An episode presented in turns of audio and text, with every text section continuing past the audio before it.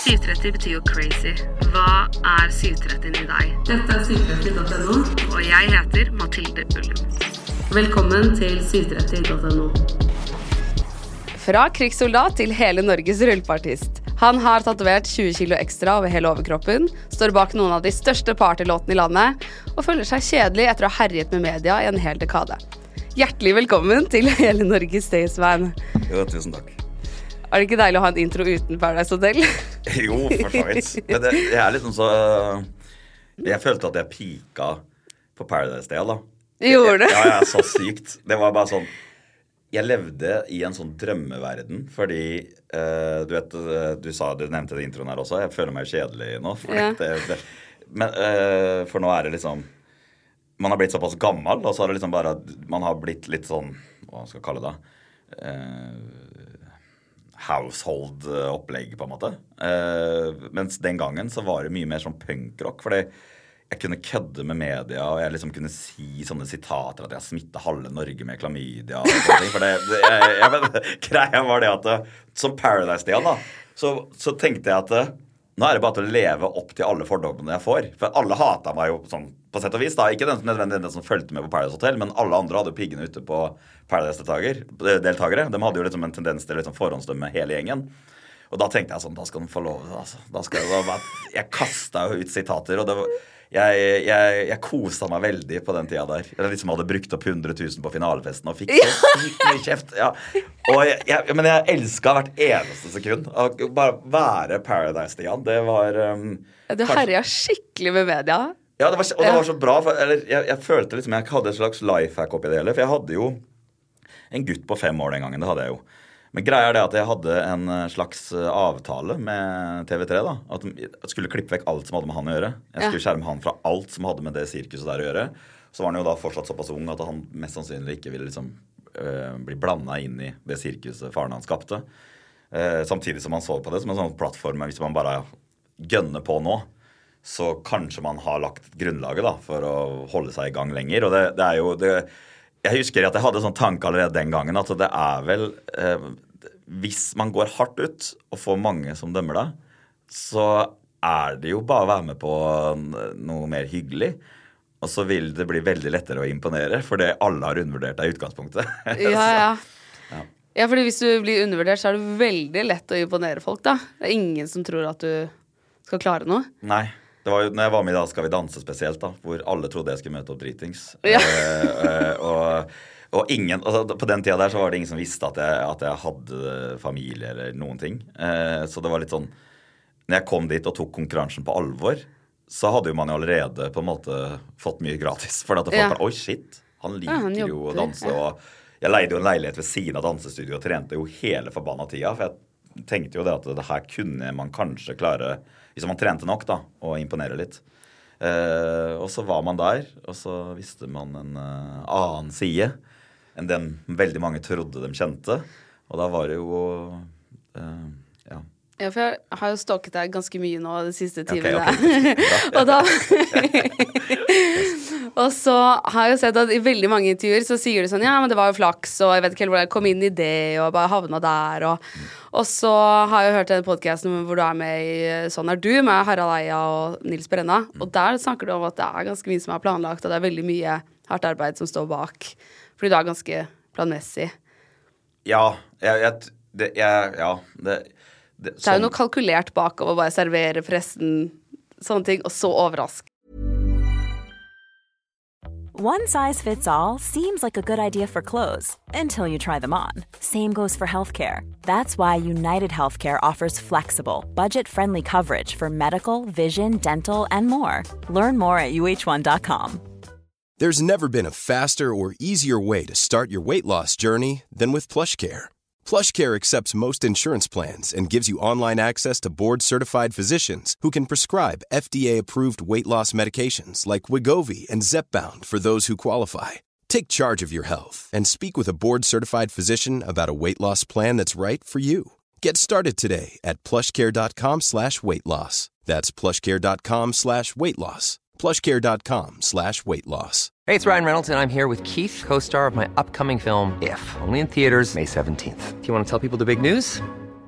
All right, I'll do. it. Sign up now and you'll get unlimited for $15 a month in six months of Paramount Plus Essential Plan on us. Mintmobile.com slash switch. Upfront payment of $45 equivalent to $15 per month. Unlimited over 40 gigabytes per month. Face lower speeds. Videos at 480p. Active Mint customers by 531.24 get six months of Paramount Plus Essential Plan. Auto renews after six months. Offer ends May 31st, 2024. Separate Paramount Plus registration required. Terms and conditions apply if rated PG. Jo, det er det. det, er det. Jeg, jeg tror, når, det når det begynte rett etter Paradise Hotel, så visste jeg ikke helt hvordan ting fungerte. Men når jeg begynte å skjønne hvordan ting fungerte, og eh, man på en måte skjønte at det her var kanskje den muligheten jeg fikk her i livet, så begynner man jo å tenke kanskje neste steg. Og det, det første steget jeg tok, var vel å dra på Istedenfor å dra på alle de gratisfestene man får, så var det å dra på norgesturné med DJ Broiler. Eh, man følte seg litt rockestjerne. Og det var jo en veldig deilig følelse. Ja, og det skjønner jeg. Da jeg spurte om du ville være med i podkasten, sa du at men jeg føler meg så kjedelig om dagen, jeg vet ikke hva jeg skal snakke om. Og så var jeg sånn ja, alle føler seg kjedelig i forhold til Eller sammenlignet med Paradise, Stian. Men du er jo ikke kjedelig. Jeg har jo sett deg, jeg var jo nettopp og så deg på Rockefeller. Da står du i baris og kommer opp i en sånn Hva kaller man det? En Sånn heis som bare opp i taket. Og så står du i merch-boden og selger billetter til Spektrum, og jeg var sånn Du skulle ikke glemt det alle! Jeg var herregud. Er- Jeg har liksom ikke sett noe lignende deg. Nei, det, Det, er eh, Kanskje innimellom så føler man at man har brukt seg opp litt. At man har snakka om veldig mange ting før. Eh, så det er klart det kommer jo nye publi Altså her på 37 det er, Kanskje det er mange her som ikke har ikke nødvendigvis sett det første Lindmo-intervjuet mitt i 2016. Jeg vet ikke når det var. men det er litt sånn Så det er klart man må liksom tenke sånn òg, men det er, det, det er lett så liksom Jeg sitter ofte på kveldene og tenker at fy fader, nå er jeg boring, liksom. Og jeg har ikke lyst Og det blir jo til at du vegrer deg for å være med på ting. Altså være med i podkasten til Oskar Vestelin. Ja. Det sitter folk der og som virkelig byr deg på. liksom. Og det er jo sånn, uh, Hver eneste setning de sier, er jo en sånn klikkvinner. Og, det- og det, da føler man på, Jeg kunne jo aldri vært med der og på en måte gjort det samme. Og så er det jo noe med at det kapittelet er jo liksom kanskje nå lokka, det Paradise Stian-kapittelet. Jeg hadde det jækla moro med det et år. øh, Å få den liksom kjefta i kommentarfeltet. Jeg skratta veldig mye av det den gangen. Mens nå kanskje man øh, ja, man føler seg kanskje ferdig med den, med den greia. Og det gjør at man samtidig kanskje føler seg gammel og kjedelig. Mm. Jeg sammenligner deg mye med den piken du hadde. Ja, jeg sammenligner meg når jeg ser Jeg syns jo det er befriende da, å se Christian Brennovd og Caroline Nitter og, og den gjengen nå, som jeg, jeg kan liksom når, De er jo ekstreme, da, eh, og sier mye ekstreme ting, men jeg kan liksom kjenne meg sjøl litt igjen i den der Paradise-bobla jeg sjøl var i. Eh, hvor det å bare kunne si La oss kalle det idiotiske ting, da. Ja. Bare for å si det. Og bare se hva som skjer i kjølvannet. Og bare ha en sånn litt gi faen-holdning til ting. Det eh, Kanskje jeg misunner dem litt. Altså, kanskje jeg savner litt tilbake til den tida hvor jeg på en måte følte jeg kunne gjøre de tinga. Ja. Men er det vanskeligere når man får barn? Du hadde jo barn da du var med på Paradise, men Det er nok litt vanskeligere, og kanskje spesielt nå, da, når jeg har en på 15 som sitter og ser uh, Han altså han er jo mål... Eller ikke om han er målgruppa, men han får i hvert fall med seg ting som blir sagt og spredd på TikTok. Og det er klart Han er nok uh, ganske Han sier jo sjøl at han, uh, han har blitt litt sånn immun mot det. Av å høre ting om faren sin. Så det er klart man tenker jo seg gjennom et par ganger før man drar uh, den verste historien. Så det er klart, det, det har jo selvfølgelig en sammenheng, det. da. At, og det, det kommer nok alle de andre også da, til å eh, på et eller annet tidspunkt i livet måtte gå gjennom i det øyeblikk de får barn og må reflektere over de tinga der. Ja, selvfølgelig. Man kan ikke akkurat snakke om hva man vil når det er små Ja. Ja. Det Det er litt vanskelig å sitte der og utbrodere eh, en, eh, en drøy turnéhistorie, og så skal man i foreldremøte på en måte yes, Nå skal jeg ha meninger om hvem som skal sitte i, i, i, eh, FAU. FAU, liksom. Sånn, Jeg kan godt være leder der, og så går de inn og ser deg noen klipp fra kontor og Ja. Nei, Ja. Det, det, det, jeg har jo selvfølgelig gjort ting litt uh, vanskeligere, da, på, på, på mange måter. Samtidig så er det jeg har jo aldri hatt det bedre da, etter at etter jeg bikka 40, på en måte. Fordi at jeg har eh, Man er eh, Man spiller konsertene sine. Det, det, liksom det maskineriet der på en måte føler man ruller og går. Og man er jo sikkert mye mer trygg på sin egen rolle. På en måte. Jeg hadde sikkert mest sannsynlig Jeg husker det var en overgang, det er jo ikke lenge siden engang. Bare det å si at jeg var edru på en konsert. Liksom, Det måtte jeg, jeg gå noen runder med meg sjøl. Jeg tenkte at nå sa jeg at shit, nå sa jeg i en podkast at jeg var edru på den konserten jeg spilte i Spydeberg. Så tenkte jeg at nå kommer ingen til å kjøpe billetter til meg noen gang igjen, for nå føler jeg at jeg selger sell-out eller sånn. da, Ja, for det var liksom imaget ditt var jo å være Ja. Men så, så gjør man det, og så merker man at ja, det spiller jo ikke noen rolle å si det. Altså, og, og da blir man jo mer trygg på det, da, igjen. At øh, kanskje Eller man får i hvert fall håpe, da. At liksom, av, la oss kalle det Staysman-merkevaren da, ikke avhenger av at om jeg sier i en podkast at jeg var edru på en konsert. på en måte. Tenk om alt skulle falt på at du var edru. ja, det har vært forferdelig. Så ja, jeg har litt lagt opp til akkurat det sjøl, at jeg føler på de tinga. For det har jo liksom vært liksom rølp, og det liksom, jeg, jeg heier jo liksom på sånn rølpekultur, og jeg heier på festkultur, og jeg Ja. Men uh, Men det er jo vanskelig å drive det 365 dager i året. Det nytter ikke. Da hadde jeg jo dødd Hvis jeg skulle levd ut uh, Ja. det livet jeg synger om, f.eks., så hadde Ja, jeg jo sikkert ikke vært her i dag. Så det Og hvor mange konserter kan du spille på et år? På det meste? Å, fy fader. Jeg tror um, 2018 så jeg hadde 110. Ja, ikke sant? Tenk om du Ja. Hvis da, da kjørte jeg jo litt hardere. Ja, du gjorde det, ja. Ja, Det som var problemet den gangen, var at jeg hadde noen hjemme. vet du, For jeg, det var, jeg var jo gift. Ja. Og det er kanskje rart å omtale det som et problem. Problemet det var jo at eh, var at jeg hadde noen som eh, Når jeg stakk av gårde på fredag for å spille fredag-lørdag, så var det noen hjemme med kids. ja. Og da Jeg kom jo aldri hjem før seint på søndag etter at dem hadde vært i seng. Eh, og da var det liksom lett å kanskje reparere på søndag. Og derfor så var Og du, og du kunne også tillate deg sjøl til å være litt mer ubrukelig på mandag og tirsdag. ja. Noe som, eh, som var en sånn sovepute, da. Så etter, Det har jo vært helt konge etter at jeg ble skilt. For det Shit, nå må jeg i dem det er foreldremøtene, og nå må jeg jo faktisk opp på morgenen på mandag. Som jo også har sikkert sørga for at man kanskje begrenser inntaket litt. grann, Da. Ja, for man har ikke lyst til å være enten full eller i heftig bakrus eh, når man sitter der. Nei, og det er jo et par ganger man får sånne aha-opplevelser. Det er liksom når folk snakker om ting. Jeg var vel, jeg lurer på jeg, om eh, han var innom det, men eh, Lars Iveli han sa, hadde en sånn mm. eh, TikTok-rant om eh, det å være misbruker. Og hvor han forteller om at eh, veldig mange av dem han hadde vært på rehab med, hadde da vært folk som drikker seg eh, sørpedrita fredag lørdag og reparerer søndag. Og så har de et familieliv, men de fungerer jo ikke på mandag og tirsdag og onsdag. For da må de jo bli, bare gå gjennom en depresjon, depresjon og bli sure på omgivelsene rundt seg. Gleder seg til torsdag, for da nærmer det seg å drikke igjen. Og så er det fredag og lørdag på fylla. Og det var jo mange han hadde møtt som var alkoholikere, da. Som ikke nødvendigvis drakk mandag, tirsdag, onsdag, torsdag, fredag, men drakk såpass hardt de to dagene. Og det, det er klart at da når, når du hører han fortelle om det, og så begynner man å titte seg sjøl litt i speilet, så det er klart da når, Og når du kjenner deg igjen litt i den beskrivelsen, så, så må man jo på en måte ta seg sjøl litt i nakken, tenker jeg. Vil du tro, eh, si at du har hatt et rusproblem? Jeg vil ikke si Jeg har vært så heldig at jeg har hatt barn hele veien. Og det har vært en så enorm brems for meg. Tross alt, da.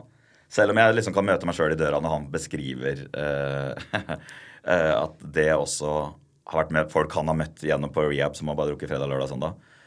Uh, men uh, uh, Jeg får jo en ro da, av det ikke. Mm. Det har jeg alltid fått. hva som er grunnen til det. Om det er noe, om det er noe udiagnosert oppi huet mitt eller et eller annet sånt, som gjør at jeg får en sånn ekstremt ro av å drikke øl. Så, så det er jo en last jeg har i livet.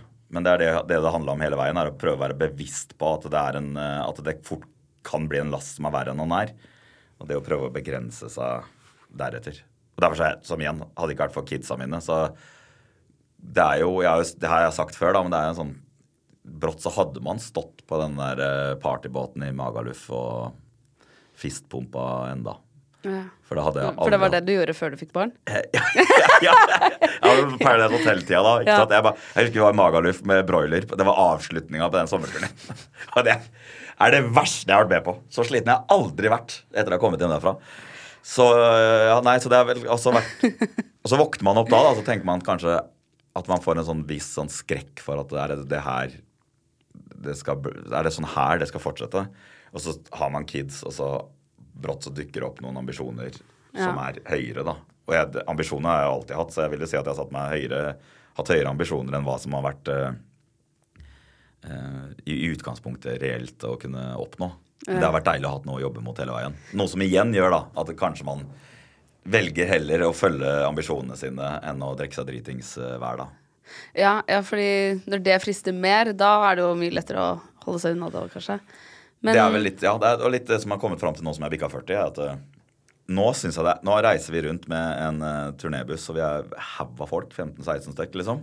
Eh, eh, det føles rart at liksom, det har blitt et sånn type eh, maskineri som reiser rundt.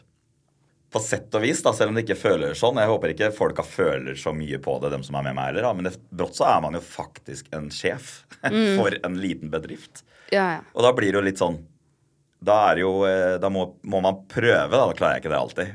Nå kommer sikkert dem til å holde på å le seg i hjel. Eh, Så sitter noen av dem sikkert når de hører der og bare Kan du holde kjeft, Stian?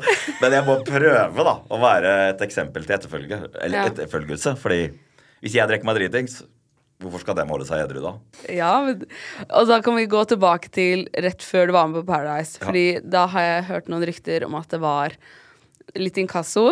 Ja, ja. Litt vanskelig situasjon. Familien sier nå må du bare legge opp den musikkarrieren. Hvordan så det ut?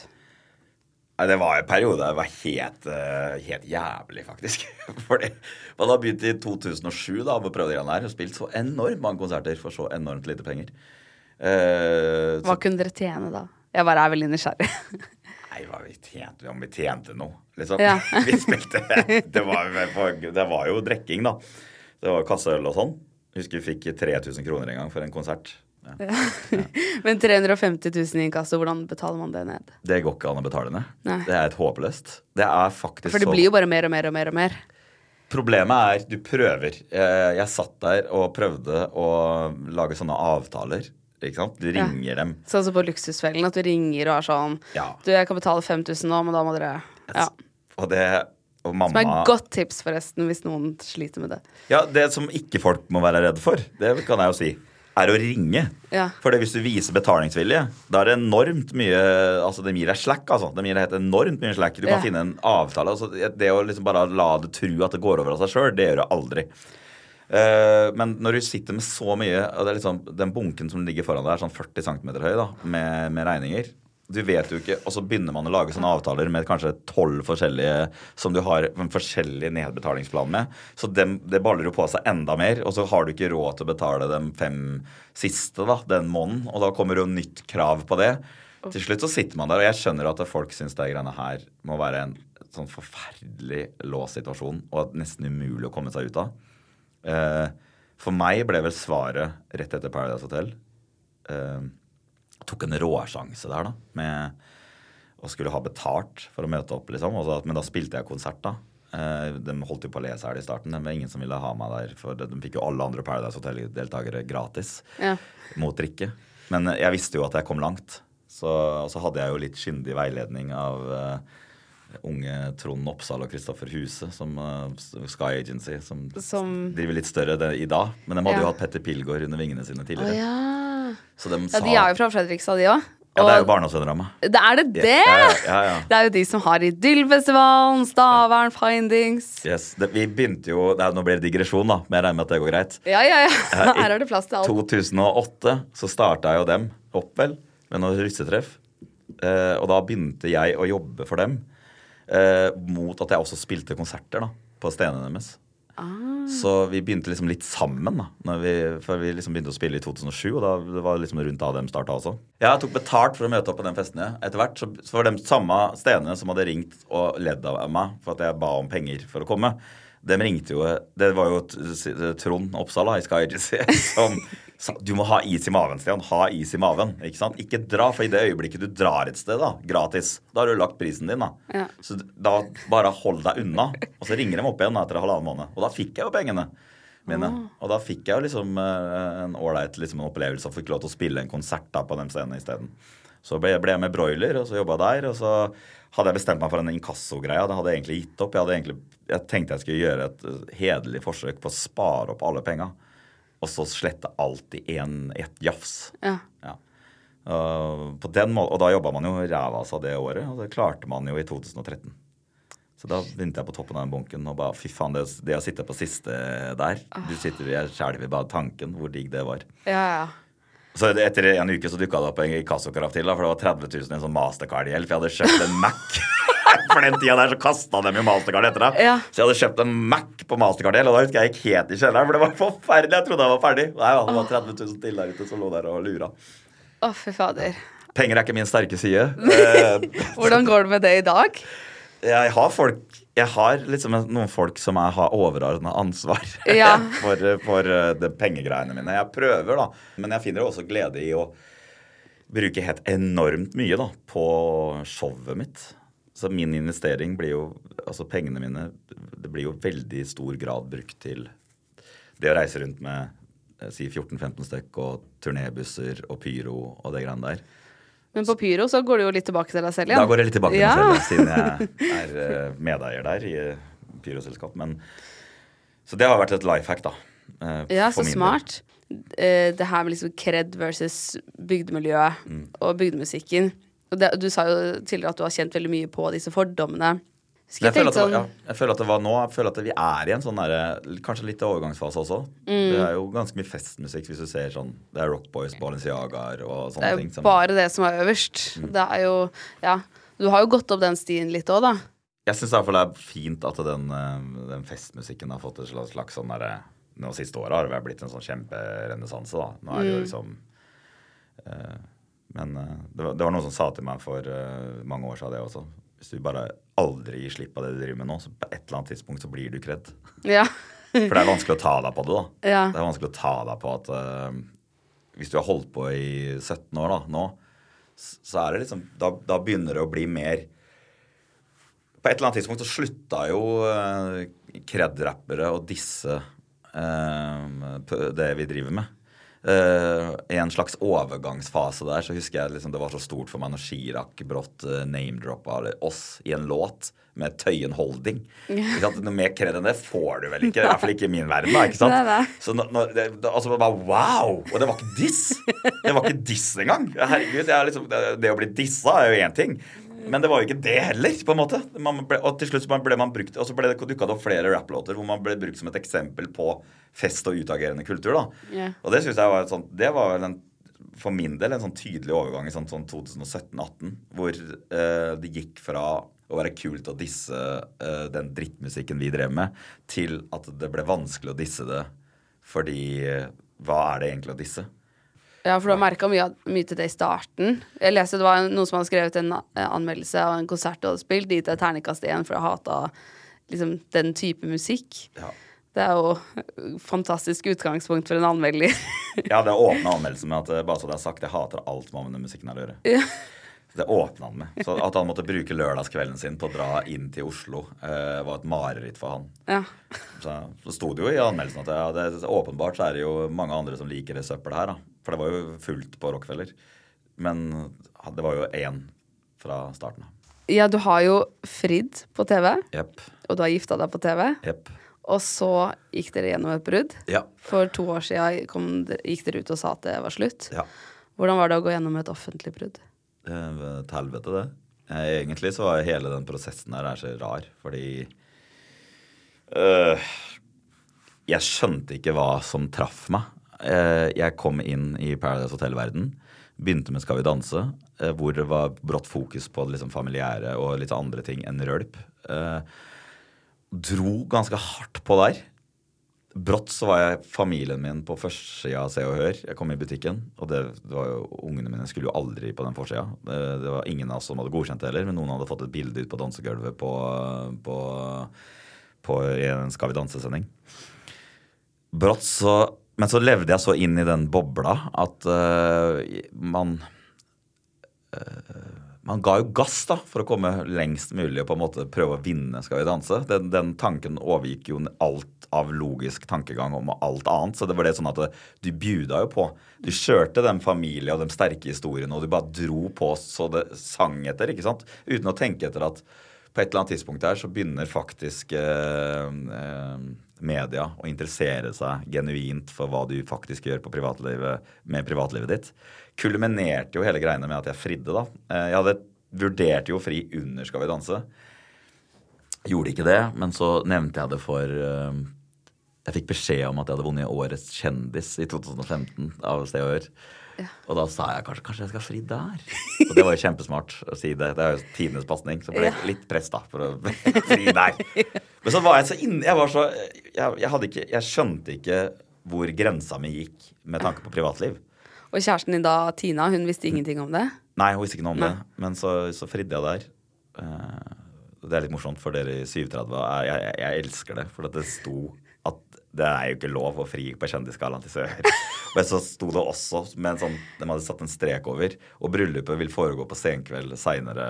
Eller i 20... så- Som var tull, da. Ja. Fra journalisten til 730. Men så var jo det som skjedde, da. Senkveld surprise. Året etter. Fikk du den derfra? Fra 730? Nei, 730 forutså det komme. Ja. Det, ja, så dem, eh, ja, så de, de, jeg leste jo den artikkelen, og så Ja. ha-ha, det lo jeg av det. Så, Ja. Men så var det jo akkurat det som skjedde. Ja. Eh, så jeg sto opp den dagen og ikke visste at jeg skulle gifte meg. Så kom ut Ja, det hadde jeg glemt. Ja. kom ut på kirka der og bare Wow! Var 250 mennesker, liksom. eh, Fra familie og venner og Ja. Ja, Broiler-gutta til og med var jo der. Det, det var bare sånn der oppsummering av Det var det mest surrealistiske opplegget noensinne å komme ut i sitt eget bryllup. Når de ikke vet noen ting om det. Jeg har vært i overraskelsesbryllup der gjestene ikke visste om det, men aldri Nei. Der brudgommen selv ikke visste det. Nei. Så dem, eh, men jeg kjente jo litt til Thomas og Harald da, eh, gjennom til, så de skjønte vel det at jeg, det var trygt Ja, ja, at er- det. ja. Eh, eh, At jeg sto i den. Ja, de er jo ikke klin gale heller, liksom. Og det er jo ikke alle du kan gjøre det med. Nei, det er det ikke. Og jeg, de hadde jo det i Altså, de visste jo at jeg hadde fade for ikke så lenge siden. Ja. På en måte. Så du må jo kanskje gå gjennom den tanken. Ja, så gikk de vel gjennom din fru, da. Ja. Ja. Eh, så jeg skjønte fader ikke hvorfor hun var så mye ute. Eller var så mye telefonsamtaler, liksom. Hun oppførte seg som at hun hadde et annet forhold, på en måte. da For det var telefon ringer, og så bare Nei, jeg kan ikke snakke her, ja. Hvem er det som ringte, liksom? Nei, nei, det, nei, det er ikke noe. Ja. Jeg er dame før. Så jeg bare ja, ja, ja, ok, greit. Da, da røk jo det her, da. Ikke sant? Eh, Så var det mitt eget bryllup, da. Greia med det sånn i retrospekt er jo at jeg i det øyeblikket det bryllupet hadde gått på skjermen, så skjønte jeg at det her går Det her takler jeg ikke lenger. Ja. Faktisk. Da, der gikk grensa mi, da. Så den burde gått lenge, lenge før. Uh, og da, nå må jeg trykke på bremsen med tanke på sånn privatliv utad. Eh, når det da ble slutt mellom meg og Tina. Så det er uunngåelig, da, etter å ha hatt liksom det hengende over oss, og veldig mange mennesker vet at det er slutt. eh, journalister og sånne ting. Eh, eh, og du har liksom det hengende over når skal vi få lov til å skrive den skilsmissesaken. Det, det, det er jo ironisk nok de sakene i media som flest mennesker skriver at de ikke bryr seg om i kommentarfeltet, men også noen av dem som det klikkes mest på. Og Derfor så, så, så skjønner jeg jo at de sakene er helt enormt attraktive å få tak i, og helst først. Mens det går jo utover at du får jo eh, Hvis du begynner å date andre, da, så får du brått melding av en journalist som sånn Ja, men nå dater du andre. Kan du ikke skrive den skilsmissesaken nå? Og, og så sier de ja, men, men ingenting her er jo avklart. liksom. Jeg har jo ikke snakka med eh, kids. Eller, jeg er liksom dater, på en måte. Jeg kan ikke, vi kan ikke gå ut med det nå. Men så blir jo det en sånn derre greie som henger over deg hele tida. Eh, Var det mange som trodde at du var utro da, siden du hadde datet andre, og det ikke var det var jo, fikk jo liksom det, man, Jeg tror det var noen journalister som fikk tips om det. For det, Ja. var ingen som visste at jeg ikke var gift ennå. Jeg gikk jo til og med med gifteringen Ja. for å ikke få Da var dere skilt? Da var vi slutt, ja. Ja. Eh, Så, mens eh, Så bestemte vi oss for å Ok, nå er det liksom Vi får rive av det plasteret etter et halvt år. Da. Eh, og da husker jeg tenkte at for at ikke bare det her skulle generere klikkinntekter til dem som da vil eh, liksom på en måte få noe som er eh, kjipt for privatlivet, da. Så tenkte jeg at det, uka før så slipper jeg en låt som heter 'Du får aldri se meg naken igjen', som er jo en breakup-låt. Så jeg slapp den, og når, den da, når Tina da breaka det på sin Snapchat Hun sa det ikke til, hun ringte Det er jo ikke sånn som veldig mange tror, at man ringer til mediene for å få en sak på at man skiller seg, eller blir sammen. Man poster ofte noe kanskje på Instagram, da. Men da følte jeg at når den saken da breaka, så var det så sjukt mange som spekulerte i om den sangen som jeg hadde sluppet uka før, var til ho. Og da følte oh, ja. jeg at da fikk jo jeg den, den, eh, den streama hardt første uka, og så kom den saken, og så fortsatte den jo å streame hardt, for da var det veldig mange som ble nysgjerrige på å høre på den låta på grunn av På den måten da så følte jeg at jeg jinxa det litt, eller ikke jinxa, men at jeg hacka det. At da var det ikke bare det mediehuset som fikk eh, annonseinntekter på eh, min skilsmisse. Da fikk jeg i hvert fall noen inntekter igjen sjøl også.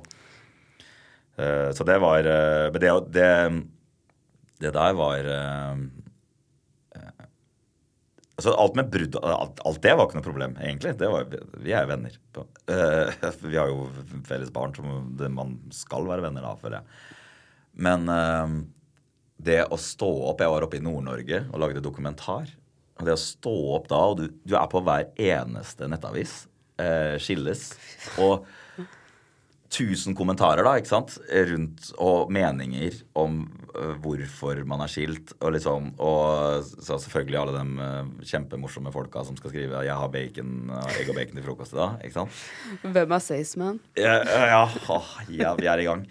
Eh, men, og, og du vet at det nå og du skal ned og du skal gjøre en jobb. da Jeg skulle ut og intervjue folk. ikke sant? Og det står jo på alle Det sto jo på forsida på alle nettaviser. ikke sant? Så du vet at mest sannsynlig så har de fått med seg det at du er skilt den dagen. da, ikke sant? Kanskje de tror det, og så skal du ut der og så prøve å gjøre en jobb i det i tillegg. Det føltes overveldende, rett og slett. Ja.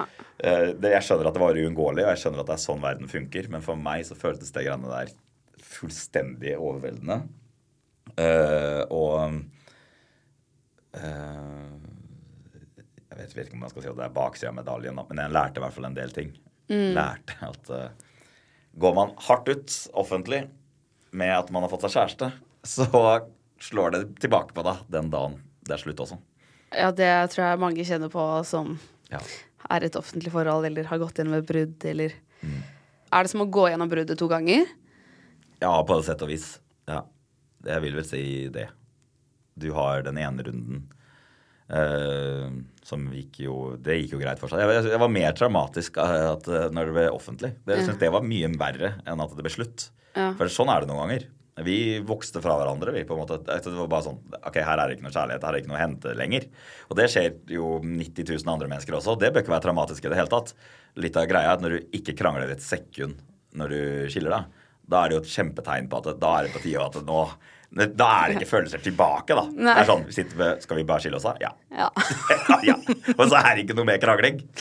Og så sånn, ler eh, jeg nå, men det, ja, jeg skjønner hva du mener. At da var Ja. det Da er det liksom over ut, da. Så det var verre det at det liksom ble blåst overalt.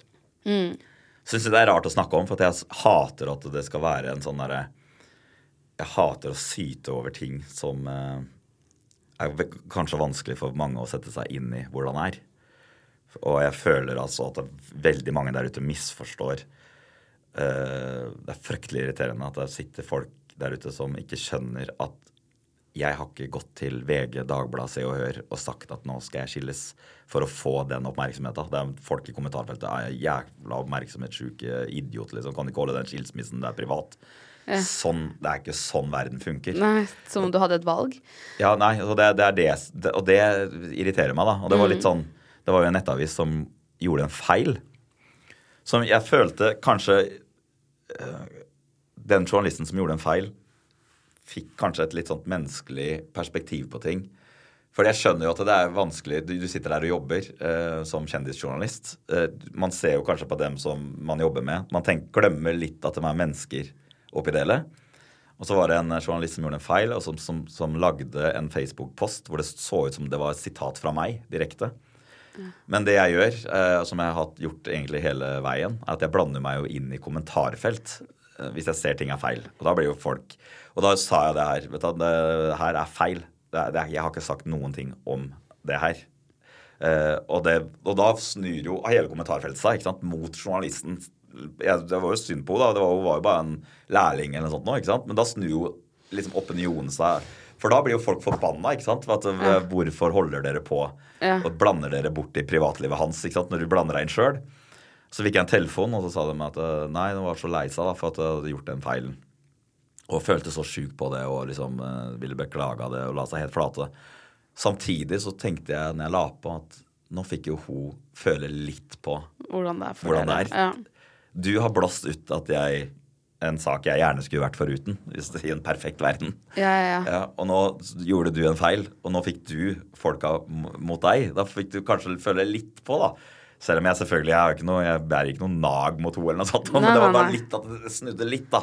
At det kunne føle litt på det, det menneskelige oppi det hele, da. At ja, hun gjorde en menneskelig feil, og fikk føle på det. Og jeg gjorde da, om jeg skal kalle det en feil, da, men jeg, i hvert fall, jeg, jeg fikk ikke ekteskapet mitt til å funke, som også er en menneskelig ting. Ja, det er jo Alle andre en, ting. Men uh, er, man får nok en større distanse når man sitter på Mac-en sin på kontoret og skriver. Ja. Det her, ikke sant, sånn som verden funker, da, ikke sant, det er jo, nettopp sånn at det her kan bli en artikkel i et ukeblad. Mm. For at eh, jeg sitter her, og eh, de kan sitere meg direkte, for jeg sitter her som en offentlig person på et offentlig medium, Mm. som gjør at de kan lage en lang sak i blad. Så det, som gjør også at eh, liksom, min mormor da får seg noen aha-opplevelser. Nei, så fin artikkelen i Se og Hør var denne uka her, ikke sant? Og så sier jeg hæ, er jeg i Se og Hør? Hæ, vet du ikke at du er i Se og Hør? Ikke sant? For det, hun er jo helt overbevist om at det var jeg klar over. Det var en tresiders sak i Se og Hør med masse bilder og greier, ikke sant? Så, så, og når jeg da sier, hun, så hun har jo liksom sikkert da også fått eh, lært hvordan den verden kan funke, da. Jeg tenkte også på når du snakket at da du giftet deg på TV og har frid på TV, så ble jo veldig mange engasjert i deres forhold. Og da følte sikkert veldig mange også at de hadde en rett på å få vite hva som skjedde. Hva, at man da må få være en del av skilsmissen òg. Ja. Altså, ja, men vi var jo en del av reisen. Mm. Hva, hvorfor får vi ikke være involvert nå? Ja. Var det mange som involverte seg? Det var, det var veldig mange som hadde meninger om liksom, Ja. den skilsmissen. Ja. Det var det. Så det er jo en del, også en del ting som liksom følger med opp i miksen. Så, som, som på ingen måte har svaret. det, er det, som er, det er det som er eh, gøy. Eh, det, kan være gøy å lese og litt sånn frustrerende, òg, Ikke sant? Ja. Eh, så tror jeg da min ekskone fikk det verre enn meg. For dessverre så føler jeg litt for ofte at kvinner er sin egen verste fiende noen ganger. Mens vi menn er vel kanskje litt bedre på det. Uten at jeg skal være sånn stigmatiserende, er det det det heter. Jeg er redd for å bruke fremmedord feil, skjønner du. For Paradise Hotels ble det brukt mot deg da i tre år etterpå. Men det er litt sånn stigmatiserende å si, men jeg føler det, altså. Jeg føler det at eh, At det er lett å være stygg mot henne, at det var hennes skyld og alt sånt da. ikke sant? Når det kanskje ikke var det. Og de skjønner at det åpenbart her er det noe misunnelse involvert. Det er noen som godter seg over at det gikk til helvete.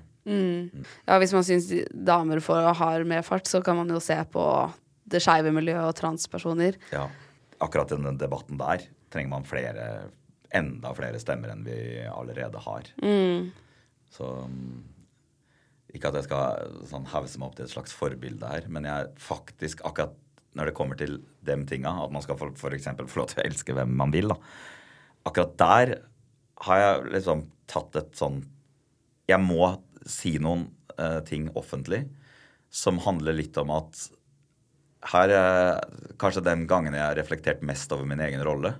Det er at eh, jeg er mann som driver med noe sånt ultramaskulint eh, og synger om eh, kvinnfolk og biler i alle låtene mine. Og hvorav jeg har kanskje tenkt at det er kanskje eh, Skal ikke jeg hause meg sjøl opp på noen måte, men at det er kanskje litt ekstra viktig at også jeg blir med på den kampen. Fordi det er kanskje mange andre som sitter der og kommer fra sånt ultramaskulint miljø og er rundt på bygdene rundt omkring i landet her, som kanskje trenger én de er på konsert til, som faktisk sier at uh, det å få elske hvem man vil, da, ikke sant? Det, det bør og skal være en menneskerett. Så der er, det har jeg faktisk gått noen runder med meg sjøl og liksom bare bestemt meg for at jeg må uh, Rett etter vi hadde den eh, med uh, det som skjedde under Pride her i Oslo, eh, hvor jeg sto liksom sto der og vurderte da, om jeg skulle liksom ha det, det er sånt bilde som er i Steinkjer-avisa, blant annet, hvor jeg står her med en sånn pride-flagg. da. Eh, Jeg er så sykt glad for at jeg liksom gjorde det og tok et så enormt tydelig standpunkt akkurat i den debatten der. For det som skjedde i ettertid, var jo bare at uh, jeg så så mye fint som kom ut av det. Og igjen da så handler det kanskje litt om det samme dynamikken som var når jeg ble undervurdert når jeg kom fra å være Paradise-Stian i Skal vi danse-sirkuset. Hvordan det funka. Og da kanskje man bruker de samme mekanismene til å bli, være Nei, han driter vel i det der eh, pride-greiene. Kanskje mange tenker. Men å faktisk vise at man faktisk bryr seg om eh, eh, dem eh, spørsmåla. Så det tror jeg Hvis det er noe man skal bruke plattformen til eh, som en offentlig person, så føler jeg at det er det. Jeg tror det er mange som hører på musikken din, som setter pris på det òg. Som har lyst til å føle Jeg som mener det akkurat det samme som deg, som blir veldig glad for å høre det. Men Ja, blir du er- redd for å miste fans òg? Vet du hva, da, nei for da, da har det, nå har det kommet liksom til det punktet Ja, jeg, jeg er litt redd for å miste liksom, fans fordi at jeg sier at jeg ikke drikker før konsert. Men hvis, hvis jeg sier at uh, uh, man skal få lov til å på en måte elske hvem man vil Hvis det sørger for at du ikke kommer på konserten min, da, jeg, jeg tror, da vil jeg liksom ikke ha de menneskene på konserten min, på en måte. Eh, jeg, jeg fikk reaksjoner på at jeg hadde eh, at det var litt sånn feil for at jeg sa at jeg syntes han der vokalisten i Måneskinn vet du, når, han var, når de slo igjennom, at jeg syntes han var digg. liksom. At det var, at det var, var deilig. Folk som hang seg opp i det. Du. Ja, han er sikkert litt sånn skaphomo, han òg. For da begynte folk, for at, siden jeg var en del av Melodi Grand Prix-sirkuset da. ikke sant? Ja. Og så bare sånn Hæ? Hvorfor, hvorfor liksom, Jeg kan vel si at han er digg. Ja. Ja, eller, ja, så Ja. Jeg vet ikke. Og om du har lyst til å ha sex med han, Hvor... Ja, ja, om jeg hadde hatt lyst til å ligge med han. Så hvis mener at jeg skulle jeg skulle hatt lov til det òg. Ja. Jeg tør jeg snart ikke å si noe om den måneskylden-gjengen lenger. For har, har du sett når måneskylden blir konfrontert med at jeg sier at jeg vil ha hele bandet opp på hotellrommet og ha orgi med Det er så fælt. Jeg satt på den der adressesendingen på NRK. Så sa jeg jo at jeg, Vi var jo helt lamslåtte etter å ha sett og, eh, greia. Og jeg bare sånn der, jeg hadde, jeg hadde lyst til å invitere hele gjengen opp. Og så viser de eh, det her da til uh, Måneskinn uh, i, en, i forbindelse med en VGTV-sak. Og du, han Og så får de liksom De er så sjokkert. Jeg tenkte jo at det, det her tar dem greit. Ja. Og så bare sånn der, Ja, men kunne det vært No. No! no! Dette skulle ikke være med meg på det hotellrommet. Så det ble det avlyst, da, men det var vel en, det var, vi hadde en litt sånn skummel plan. da, At de spilte, skulle egentlig spille på Tons of Rock. Oh, ja. Jeg kjenner noen som eh, jobber der oppe, og hvor vi hadde sittet på backstagen. Når, det hadde kommet til.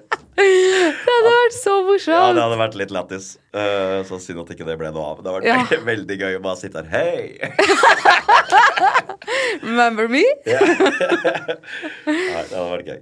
Å, shit. Ja, er du singel nå? Here's a cool fact a crocodile can't stick out its tongue. Another cool fact you can get short term health insurance for a month or just under a year in some states. United Healthcare short term insurance plans are designed for people who are between jobs, coming off their parents' plan, or turning a side hustle into a full time gig. Underwritten by Golden Rule Insurance Company, they offer flexible, budget friendly coverage with access to a nationwide network of doctors and hospitals. Get more cool facts about United Healthcare short term plans at uh1.com.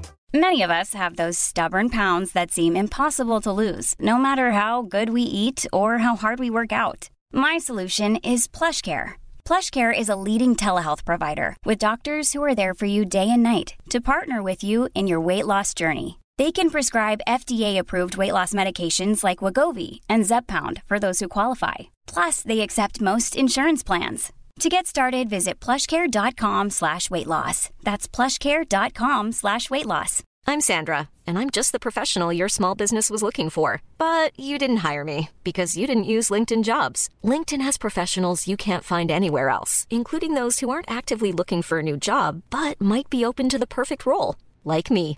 In a given month, over 70% of LinkedIn users don't visit other leading job sites. So if you're not looking on LinkedIn, you'll miss out on great candidates like Sandra. Start hiring professionals like a professional. Post your free job on linkedin.com/people slash people today. Uh, vet du, jeg, jeg er jo vært der, Nå kommer vi jo tilbake igjen til det vi som var inne på i stad. jeg blir satt i en låst uh, situasjon. Fordi hvis jeg sier at jeg har kjæreste, da får jeg mediesak på at jeg har kjæreste. Og hva er det som skjer da hvis det går slutt? Da får jeg Ja. mediesak igjen. Så må jeg gjennom den samme forbanna traumene på nytt, da. Eh, og det, det gjør så jækla vondt i tider. Jeg har vært liksom av og på med igjen, da. Og det der eh, Det bremser deg opp he- hele tida. Du får liksom en sånn spørsmål Kan du bekrefte Og så vet du at du, det gjør vondt i maven å bekrefte det fordi jeg lova meg sjøl det øyeblikket jeg ble Når den skilsmissesakene kom, at jeg skal aldri sette meg i en sånn situasjon igjen. Ja. Men det er jo veldig lett. Det går jo også Det er jo nesten umulig. Skal du da aldri ta med dama di da, på noen ting? Du må holde deg unna alle røde løpere i verden. Eh, de, tinga her har jo gjort at jeg også holder meg unna masse røde løpere. Det er liksom Hvis det er veldig kompisting å komme fordi det er noen du kjenner som driver med det, så vil man jo dra. Men det å få de spørsmåla, da det, ja, det, Det er vanskelig å svare på.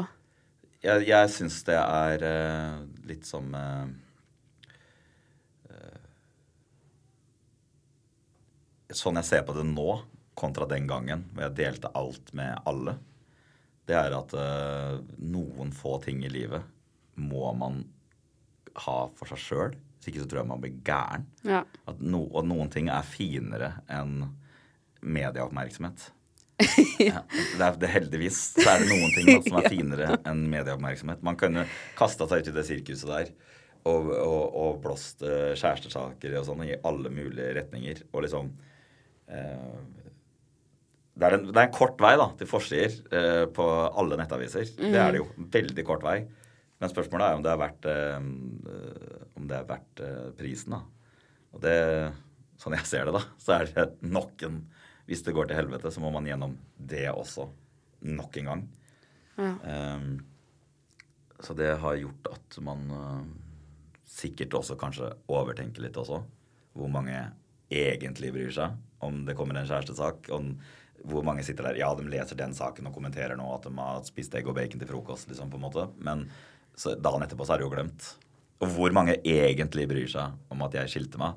Så, for det, det er jo også en narsissistisk tanke at det Men det føles helt overveldende når det står på. Ja, selvfølgelig. Fordi masse meldinger. Du får meldinger av så mange som lurer på åssen det går med deg. Og du går ut bla- på gata, og det er liksom sånn Føler at alle ser på deg. ja, liksom, og, og spør, ja, så leit at det ikke funka. ikke sant? Jeg, jeg vet ikke om jeg har så lyst til det. At jeg skal gå på bensinstasjonen og kjøpe meg kaffe, og at dem som jobber der, skal spørre meg, så, eller si til meg så leit det var. Selv om de mener bare har gått med det, selvfølgelig. Men ja, kan ikke noen ting da være bare i mitt lille univers med mine få venner som jeg har igjen etter å ha turnert fra meg? Ja. kan, ikke, kan ikke noen ting da være inni der? Ja. Samme som med, barna mine. Nå vet jo folk at jeg har barn, da. Det var jo en lang periode hvor jeg ikke sa noe om det. Men uh, at jeg ikke poster mye av dem, på en måte, det handler jo ingenting om at jeg ikke er stolt av dem. eller noe sånt. nå. Jeg bare syns de er for uh, fine til å drasse inn i det mediasirkuset.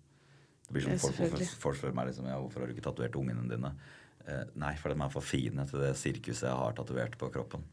Eh, og det føler jeg også da med, da, det, med kjæreste og sånne ting. At det, det er for fint til å være en del av det sirkuset. Men samtidig så skjønner jeg at det er veldig vanskelig da, for en eh, kjæreste også. Å måtte stå i det som en La oss si at man blir seende ut som en uh, Sette helt på spissen, da, som en slags groupie. da, Mm. For at ingen vet om det. Og hvordan det er og Ja. Ja, og liksom Hvis du er med sant, så på, på en konsert, så vil liksom Å ja, hva er det der?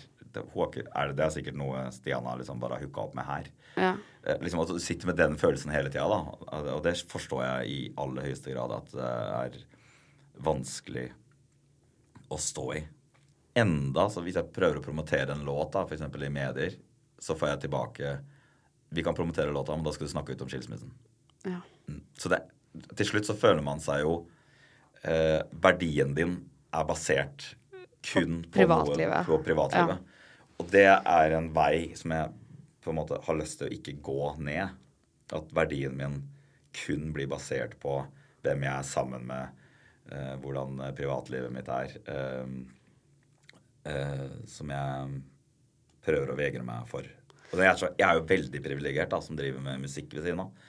Jeg er jo ikke en eh, influenser i den grad hvor sånne ting på en måte er en dagligdags greie. Du må liksom, du må nesten gå gjennom et samlivsbrudd på bloggerne på, på TV 2, for det, det er jo en del av pakka. Det å kunne sitte der og, og gråte og være lei seg og bjuda på.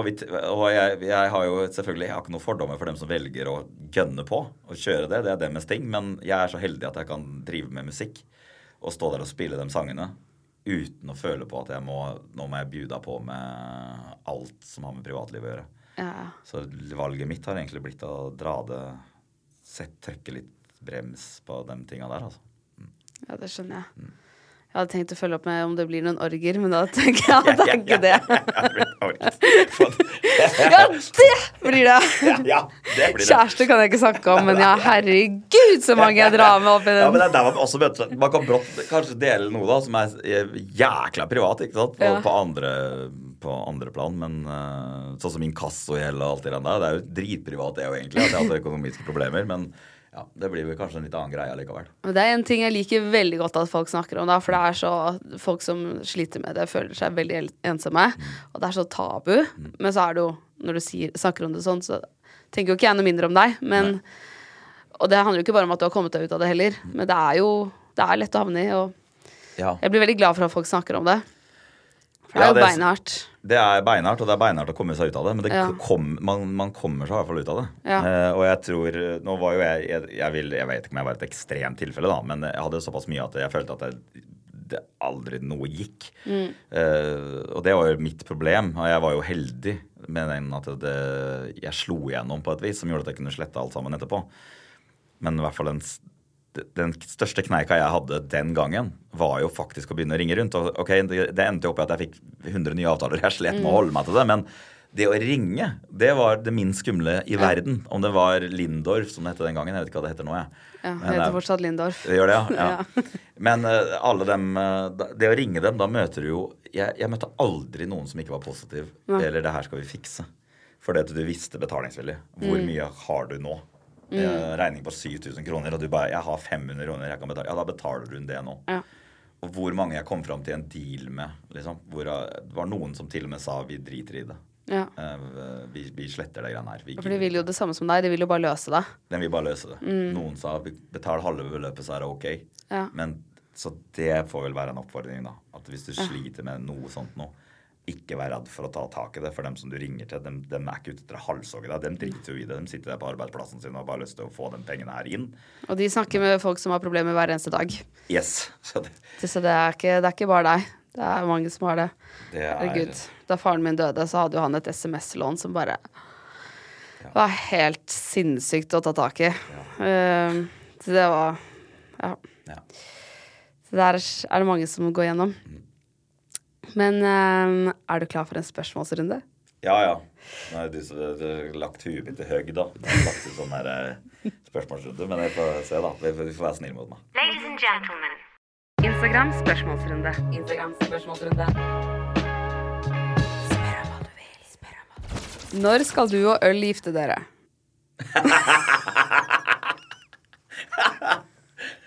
Fy fader.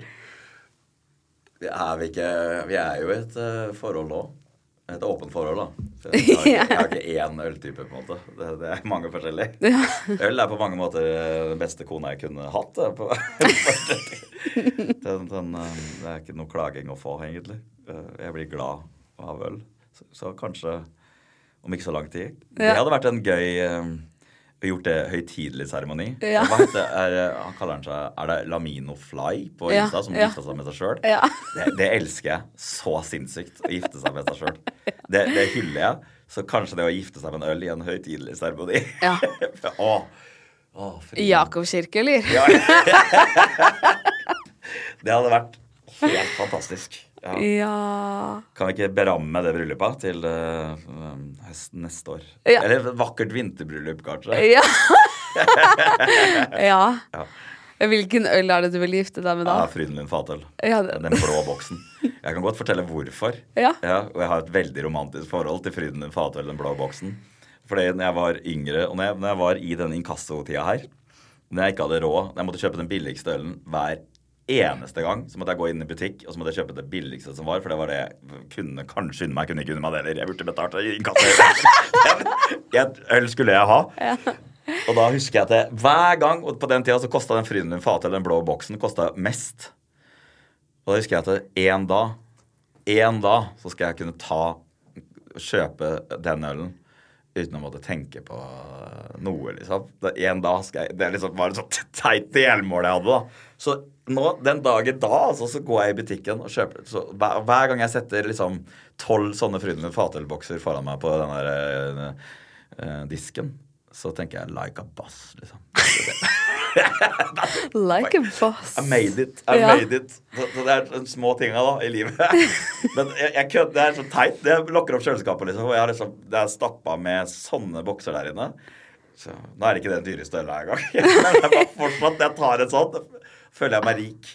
Ja, men det er litt deilig å høre, da. Ja.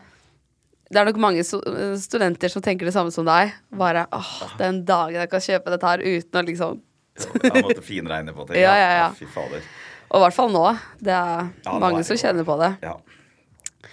Eh, hva er det viktigste du har lært deg? Uh... Ikke fortell om du har kjæreste. det har livet lært meg. Men Ja. Viktigste jeg har lært meg, er at eh, Og det er jo selvfølgelig helt absurd eh, klisjéfullt igjen, da. Eh, er det at eh, du får ingenting eh, gratis. Det er jo Det er det alle sier. Eh, ja. Å bli den beste versjonen av deg sjøl. Ja. Hardt. Nei, men det, det du får jeg har jobba eh, så mye. eh, jeg vet at det er Hvis du ikke jobber for noe, Mm. så får du Du får ikke noe Det er ingen som banker på døren din og spør hva er din drøm, da?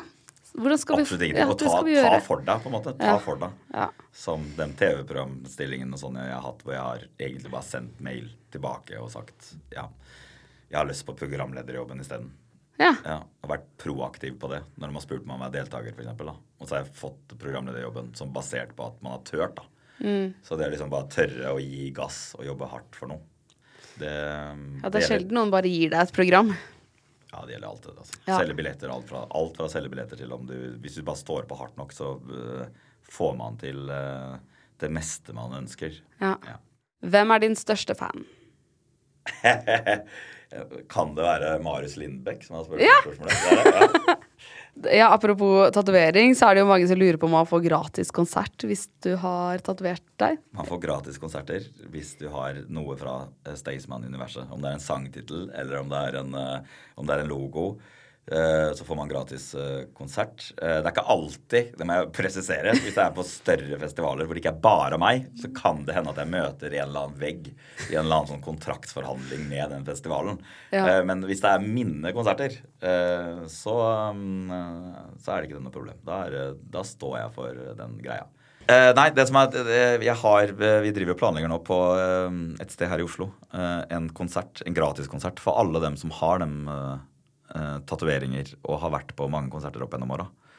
Så jeg, det, det dukker opp sikkert en invitasjon til mange av dem da, nå snart. For vi skal ha en sånn samling, et slags julebord da, med alle Oi. som har fulgt oss over så lang tid og har tatovert ting fra universet og sånne ting. Så det kan bli dritkoselig. Herregud, så gøy! Ja, det blir kult. Det tror jeg blir, uh, tror det blir en kul greie. Hvis man hører om dette nå, Ja. rekker man å ta en tattis og bli invitert? Ja, og det som er greia med den konserten, det jeg vurderer, er å ha en som tatoverer i døra. så det, hvis du har veldig lyst til å dra på konserten, så er det bare å komme. Så er det en som står klar til å tatovere en låttittel eller en logo eller noe sånt. Og så sitter klar i døra. Så øh, ja, jeg tror, Men det, jeg tror det kommer til en koselig kveld. Det er litt rart med det. Du, du, du ser jo mange av de samme ansiktene på første rad. eh, Gang etter gang etter gang etter gang. Og det er jo ingenting som er koseligere og mer motiverende uh, som artist å stå på scenen og tenke at shit, det her er 17. gangen jeg ser det. Da kan man jo på en måte ikke ha fucka opp så mye på veien. For Nei. da hadde hun jo sikkert gitt seg etter konsert én. Ja, det er sant. Eh, Hva er den sykeste tatoveringen noen har tatt? Eh, sånn med tanke på fra mitt sikkert Ja, ja. eh, ja, Hva er den sykeste tatoveringen noen hadde da? Eh, det er, ja, det er en som har 20 kilo ekstra, men, men hun har det på puppene. Eh, ja. Shout-out til Stine, heter hun.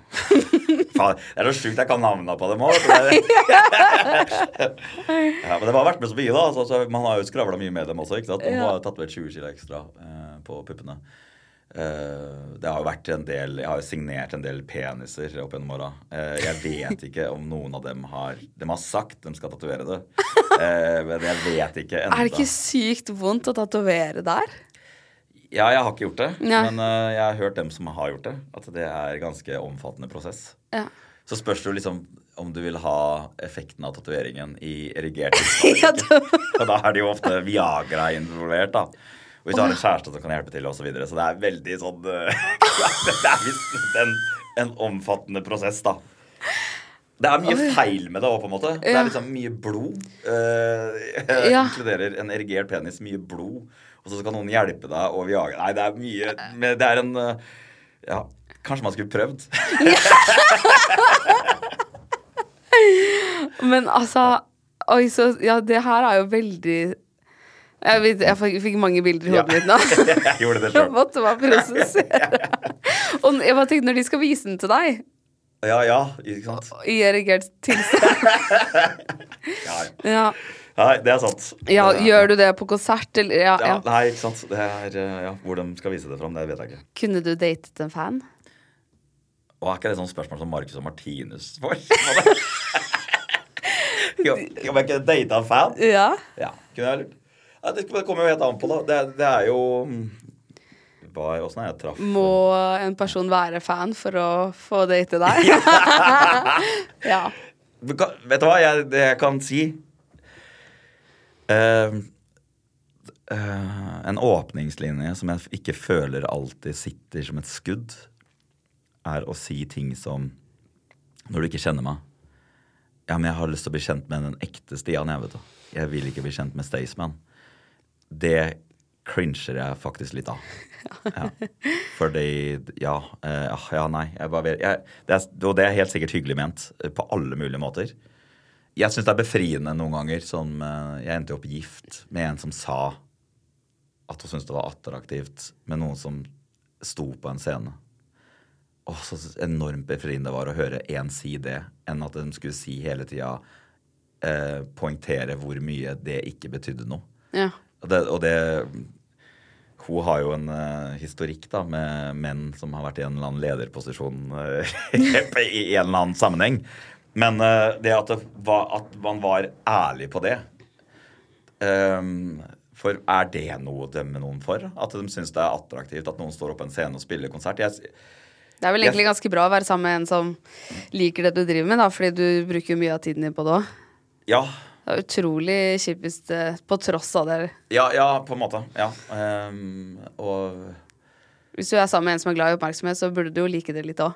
Du bør nok Ja, det, ja. ja. Eh, Det er jo en fin ting, det, da. Ja, så jeg, jeg føler kanskje noen ganger at uh, hvis man er uh, Jeg føler ikke at det skal være så jækla mye sånn derre stigma rundt groupies. Det er også et quote.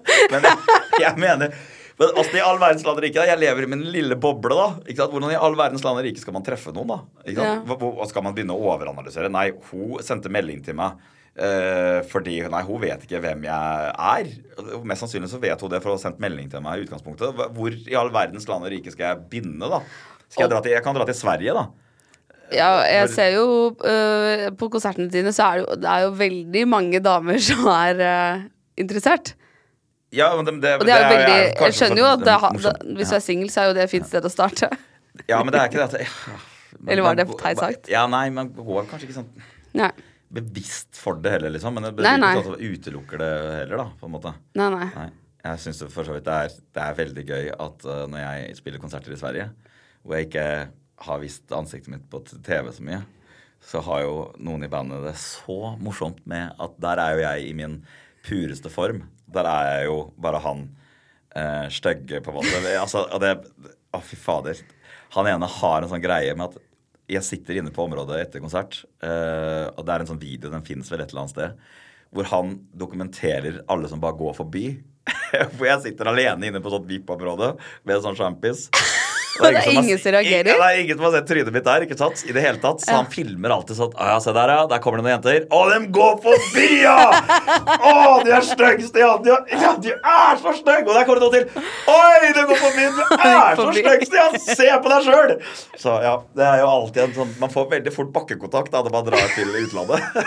Man, det, er en, det er vel en sunn ting, på en måte, å dra Ja. til utlandet og på en måte bare jeg, jeg, Nå skal det sies med åra, altså, nå syns jeg det er litt deilig. Ja. Men Eh. hvis du er i Norge, det skjer jo ikke da. Hvis du er på premiumområdet på Stavern. Hvis man er på liksom, en festival eller folk er fulle og sånn, så, så blir det jo da, da kommer jo folk bort Ja. og skal ta og bilder og sånn, og det er jo det, det, stort sett koselig, da. Hvis, hvis jeg er Det er Ofte så er det, det er koselig når jeg er eh, påkobla. Jeg ser på det å dra på festivalområdet som en jobb, nesten. Ja. For det, det er sånn du må se på det. Mens eh, hvis jeg er sammen med barna mine på et eller annet, så er det jo en annen ting. Da er det jo ikke nødvendigvis alltid like koselig, men det handler om at jeg har lyst til å beskytte barna mine fra gud og hvermann. Ja. ja. Du vet når barna liksom er på en Skal du ta bilde med alle i dag, pappa, eller skal du være sammen med meg? Så må du jo velge. Og da gjør det jo vondt å si nei til andre på 17. mai. Å si nei til hun ti år gamle jenta som kom bort, på en måte. Men hvis du Ja, det er en uh... Du er med ungene. Ja, og det gjør like vondt hver forbanna gang å Mm. måtte faktisk sette en grense. Men det, hva skal man gjøre? Det, du kan ikke la Ja. det livet her trumfe absolutt alt som har med dem som er viktigst for deg å gjøre. Nei, nei. Ja, det skjønner jeg. Dette er en hilsen fra gutta i container. Hva er ditt beste minne fra landsstevnet 2023? Må ha vært eh, å møte de gutta i konteineren. da. Jeg håper de klarte å drikke opp alt som var inni den sovesofaen. Eh, for det, det, var, det var mye. Hadde de drikke i sovesofaen? Ja, de hadde dratt med seg en konteiner inn på området. De sov ikke i telt, de sov inni en konteiner. Og inni der hadde de en sofa og en eh, seng. Ja, det var Var det åpen konteiner? Ja, det var åpen over, ja, men det var sånn lagt til rette for å legge presenning over. Oh, ja. Så ja, nei, dem var jo Jeg, møtte dem på tirsdagen der. og var i, det var overtenning. Eh, Det er landsstevne i Norges bygdeungdomslag. Det er sånn, Alle bygdeungdomslag har jo sånne lokale avdelinger rundt omkring i landet. Oh, ja. Og en gang i året så samles alle dem på ett sted, da, som byttes hvert år. Jeg har spilt på det i ti år nå neste år. Um, og det er jo fantastisk atmosfære. Det er jo Det tror jeg var. ja, det er jo noe de gleder seg til hele året. Og det, jeg har vært så heldig å få spille der uh, hvert år. Eh, jeg har tatovert hele logoen deres på hele leggen min, så jeg, jeg er over snittet glad i disse, da. Ja. Men uh, det, det, for å være, ta en hilsen til de gutta, da, så var det, det var koselig å møte dem. Det var, det, de ga meg en deilig energi inn til konserten jeg hadde den kvelden. Åh. Uh, her er en som skriver Jeg så deg i Rådebank. Hyggelig, gitt. uh, vil du synge på en låt med oss om ett års tid? He-he. Hilsen Avertia off Official. ja, kanskje det. Er det, det. Jeg vet ikke om de er i uh, min uh, sjanger, men du skal aldri si aldri. Nei. Send meg DM. Ja. Hvilken by bor du i? Jeg bor i Fredrikstad. Når tror du jeg kan forvente tilbakemelding på kontraktforslaget? Sendte sånn cirka for et år siden. Hilsen Bjørn Rokstad.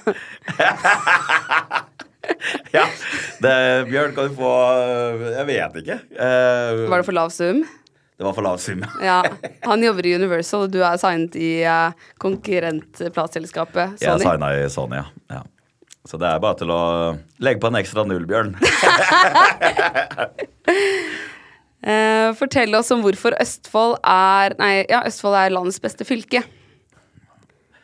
Østfold og Finnmark uh, er høyt oppe. Litt av de samme årsakene, tror jeg. Jeg føler jo eh, Finnmark er rolig versjon av Østfold. Jeg elsker jo Finnmark. Jeg føler meg så hjemme der oppe. Men uh, jeg vet ikke. Det er liksom Det er lugnt og fint nede i Østfold. jeg, jeg koser meg veldig der. Jeg, jeg har jo bodd i perioder i Oslo og sånn. Jeg hadde aldri uh, orka det over lang tid.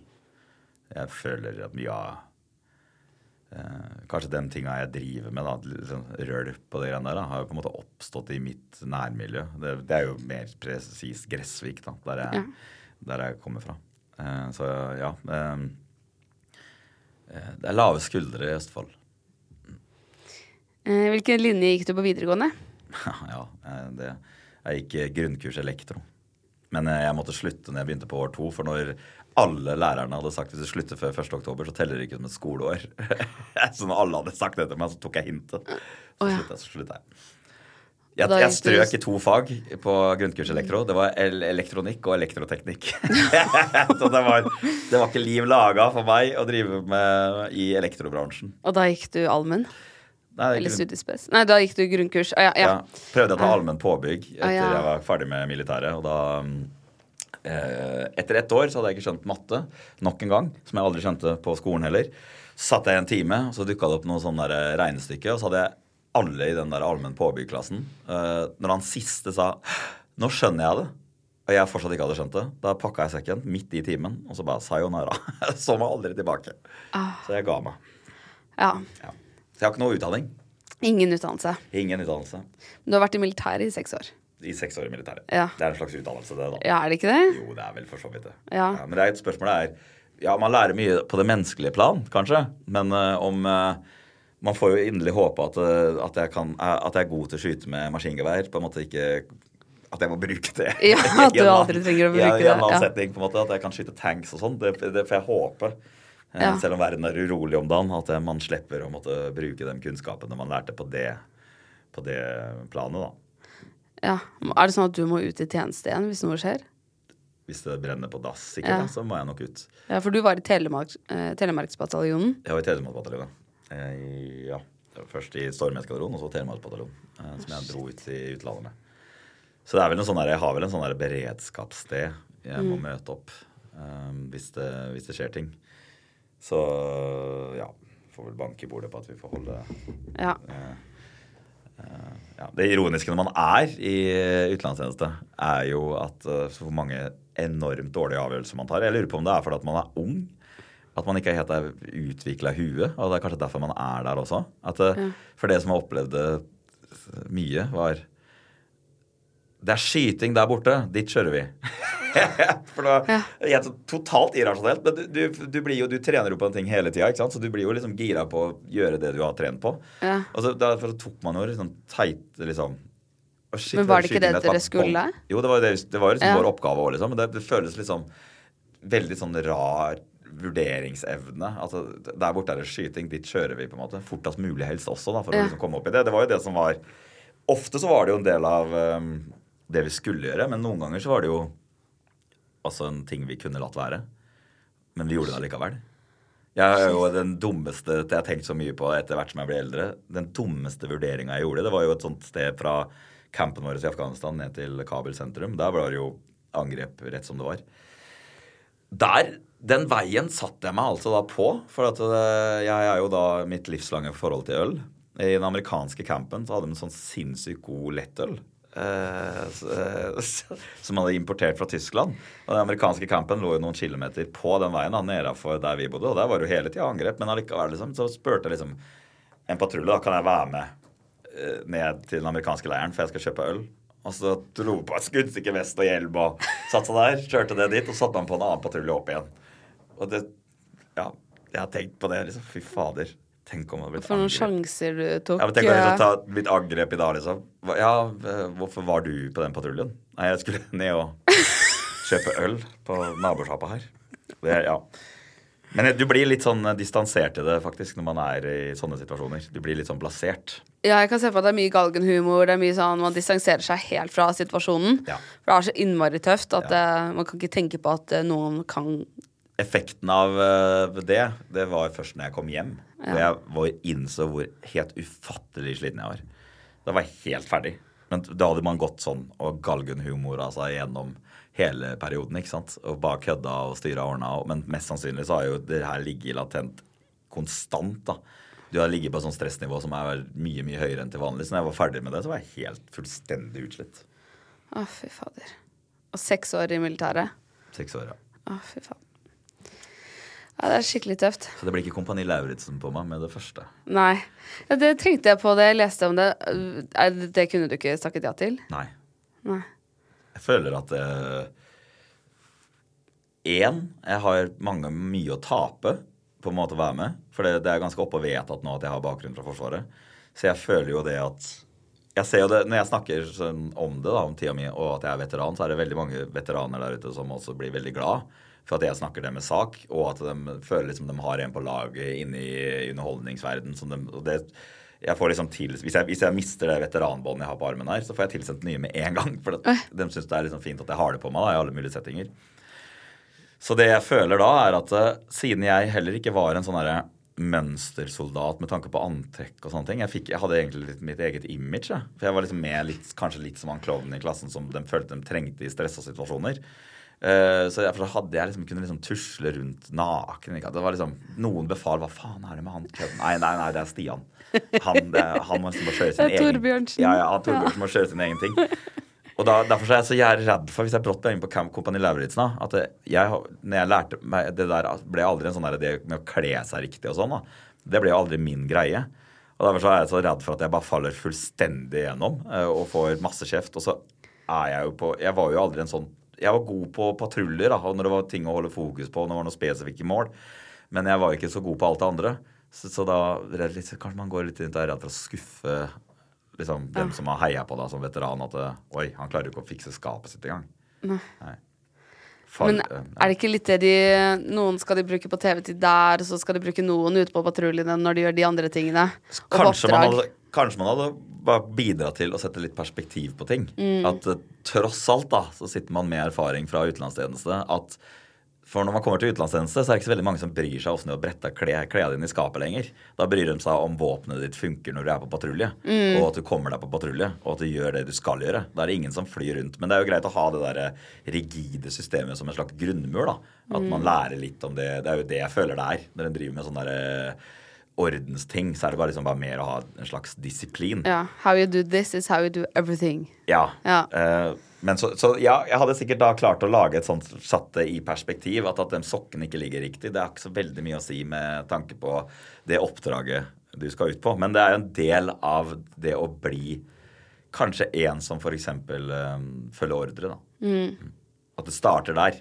At du får kjeft for at du ikke fikk sokkene. For det er ikke en sånn veldig vesentlig ting. Nei. Men da vil det bare forplante seg videre til den dagen det kommer en ordre som er vesentlig. At hvis ikke du gjør det, så kan hele laget ditt daue. Så gjør du det òg. Altså det er en del av prosessen. da. Hva er din favorittsang som du har laget selv? Eller gitt ut, da. På én måte så tror jeg kanskje åh, Det er vanskelig å rangere. Jeg elsker jo liksom en godt stekt pizza fordi at det alltid er skapt av rabalder. Det er jo en sang som, det er ikke den største sangen jeg har, men det er den allikevel den største. på en måte, For det var den som veldig mange forbinder meg med. En Mm. godt stekt pizza uten tvil. Uh, men så har det jo Uten sko, som er en låt, en gammel låt for dem som har kjent meg og fulgt meg lenge. Den første låta man ga ut, da, som er i 2007. Som vi fortsatt spiller live. Det syns jeg er stas. At folk kan den ennå. Liksom. Jeg er 17 år gammel. Uh, også, men så har du 'Myggen er megasvære', som jeg syns er et sånn episk mesterverk. Det er liksom, når, du, når du spiller den i balladeversjon live, og alle synger med så det er bare sånn at Jeg får gåsehud av min egen sang. Så jeg på en måte jeg, jeg, Det høres jo tett ut at 'Myggen er megasvære' på en måte føles ut som et sånt episk mesterverk. men jeg, jeg skal love deg, eh, hvis du kommer til Oslo Spektrum til 9. mars, når vi tar den der, da, da hører man hvordan den låta funker. Fredrik Kalas var liksom første som gjorde meg bevisst på det. Faen, den låta er bra. Og så, for Vi skrev den på et kvarter. vet du. Vi rakk aldri å resonnere oss fram til at vi rakk ikke å tenke på er det her en bra låt eller ikke. Så det er bare sånn når han sa det, så bare ja, fader, den er faktisk ganske bra. Og så begynte vi å gjøre en eh, helt nedpå og starte med at alle publikummerne synger med. Og det, etter det så bare, og blitt mer og mer glad i den låta. Den har vokst på meg, da, selv om jeg laga den. Men det er sikkert fordi at man laga den så fort.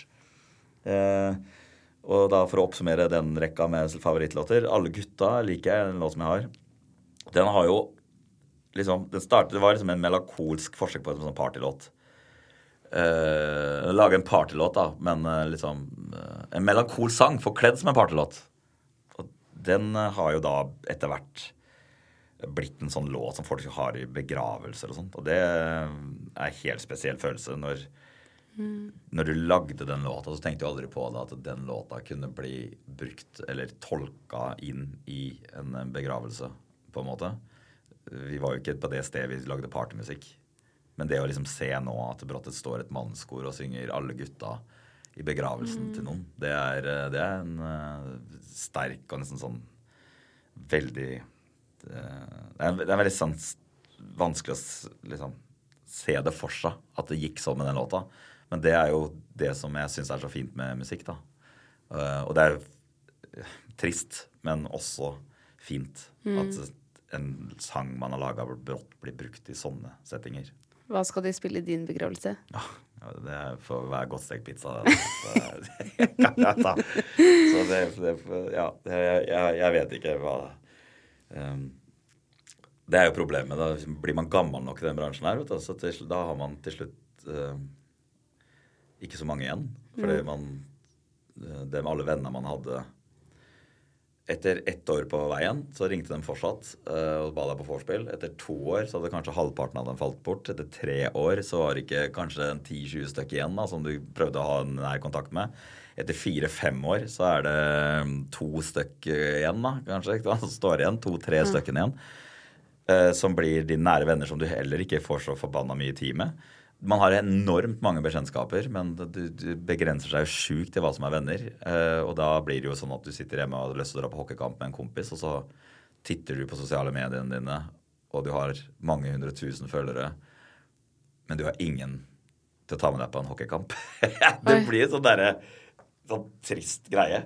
Så det, det, det turnélivgreiene, det er ikke skapt for alle. Altså. Det er jo det er en mer Vi reiser rundt, og det er fest og moro og alt det greiene der, men du drar alltid videre.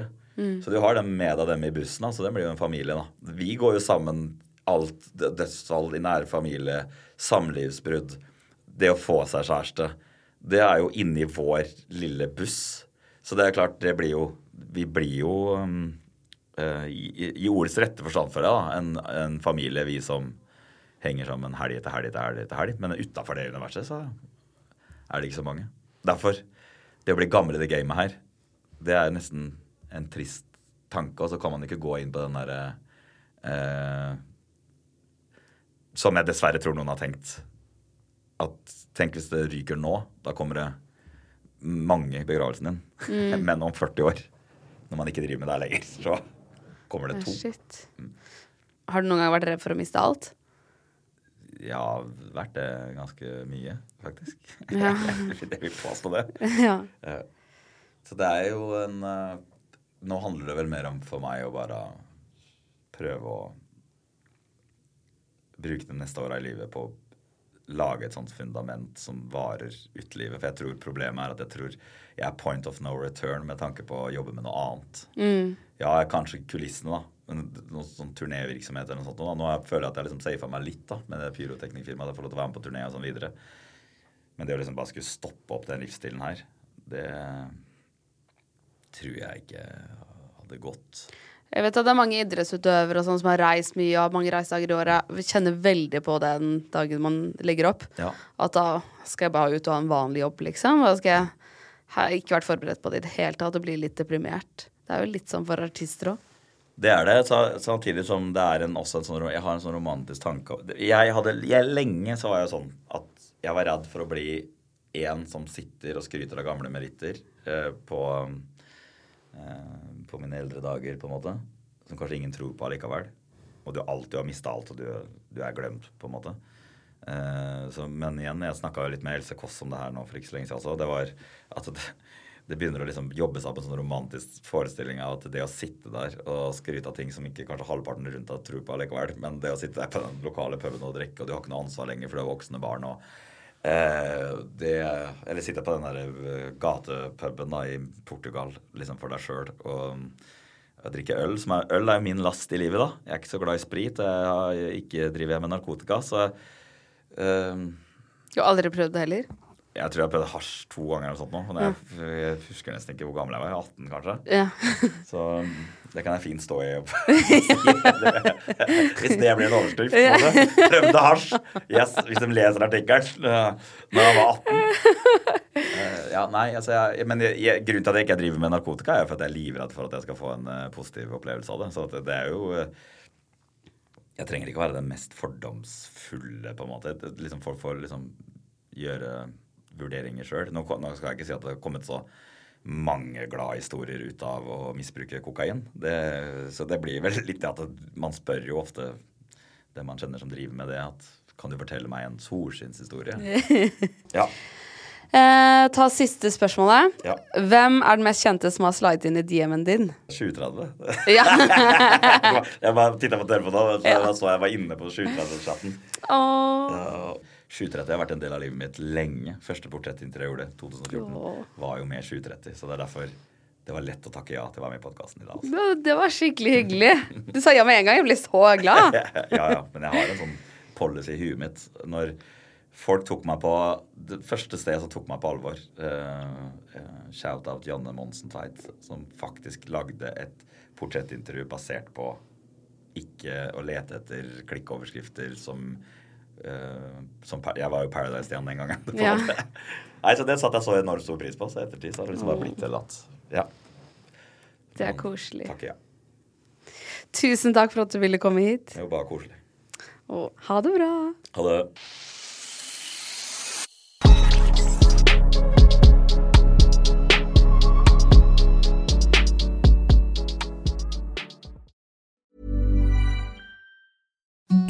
The softest sheets you've ever felt. Now imagine them getting even softer over time. That's what you'll feel with Bowl and Branch's organic cotton sheets. In a recent customer survey, 96% replied that Bowl and Branch sheets get softer with every wash. Start getting your best night's sleep in these sheets that get softer and softer for years to come. Try their sheets with a 30-night guarantee. Plus, get 15% off your first order at bowlandbranch.com. Code BUTTERY. Exclusions apply. See site for details.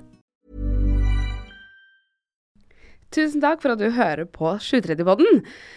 Hvis du har lyst til å være veldig kul, så er det bare å legge igjen fem stjerner. Og da blir jeg veldig glad, fordi det er jeg som lager alt til denne podden. Og jeg trenger masse gode stjerneanbefalinger for å kunne be sjefen min om litt høyere lønn. Så det hadde vært veldig fint. Jeg slipper nye episoder hver eneste tirsdag. Og hvis du ikke har hørt alle ennå, så er det bare å spole tilbake i biblioteket. Og trykker du på følg, så kommer alle de nye episodene rett inn i spilleren sekundet de blir sluppet. Send meg gjerne en DM hvis det er noen du har veldig lyst til å ha som gjest. Og husk at vi alltid poster spørsmålsrunder på Instagram Story, så da kan du få med spørsmålet ditt i neste episode hvis du vil det. Ha det bra.